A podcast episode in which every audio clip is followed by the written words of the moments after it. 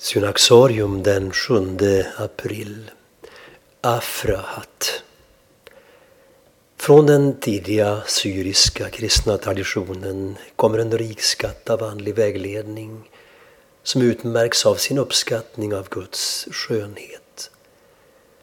Den första i raden av framstående författare från denna tradition vars undervisning finns bevarad till eftervärlden är Afrahat, också kallad Hakima Farsaja, den vise persien. Afrahat föddes under senare delen av 200-talet, förmodligen nära det gamla Nineve som motsvaras av dagens Mosul i Irak.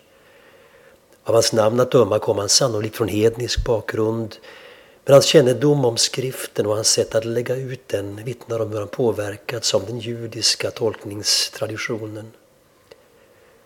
De spänningar som vid denna tid rådde mellan kyrkan och synagogan genomlevde Afrahat med relativ ro och när han berör ämnet i skrift är tonen återhållen. Han tillhörde en rörelse inom den syriska kyrkan som kallade sig Förbundets söner. Ett exempel på en tidig klosterliknande gemenskap innan den monastiska rörelsen fått sitt verkliga genombrott.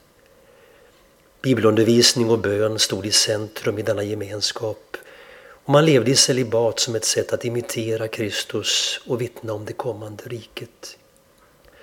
Förbundets söner utgjorde en andlig kärna i kyrkan men till skillnad från andra liknande grupper distanserade de sig inte från samhället utan tog del i vardagens liv och omsorger. Afrahat levde troligen i klostret Marmatai och enligt vissa källor var han munkarnas ledare för att senare bli biskop. De kristologiska strider som plågade kyrkan vid denna tid lät han sig aldrig dras in i. Han ville hellre, som han själv uttrycker det, leva som en skriftens lärjunge. I den enda bevarade undervisningen från hans hand berör han olika sidor av det andliga livet men också förhållandet mellan kristendom och judendom.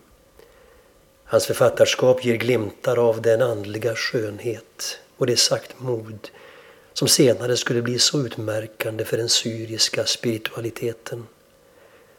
Afrahat firas bland annat i den maronitiska kyrkan idag den 7 april.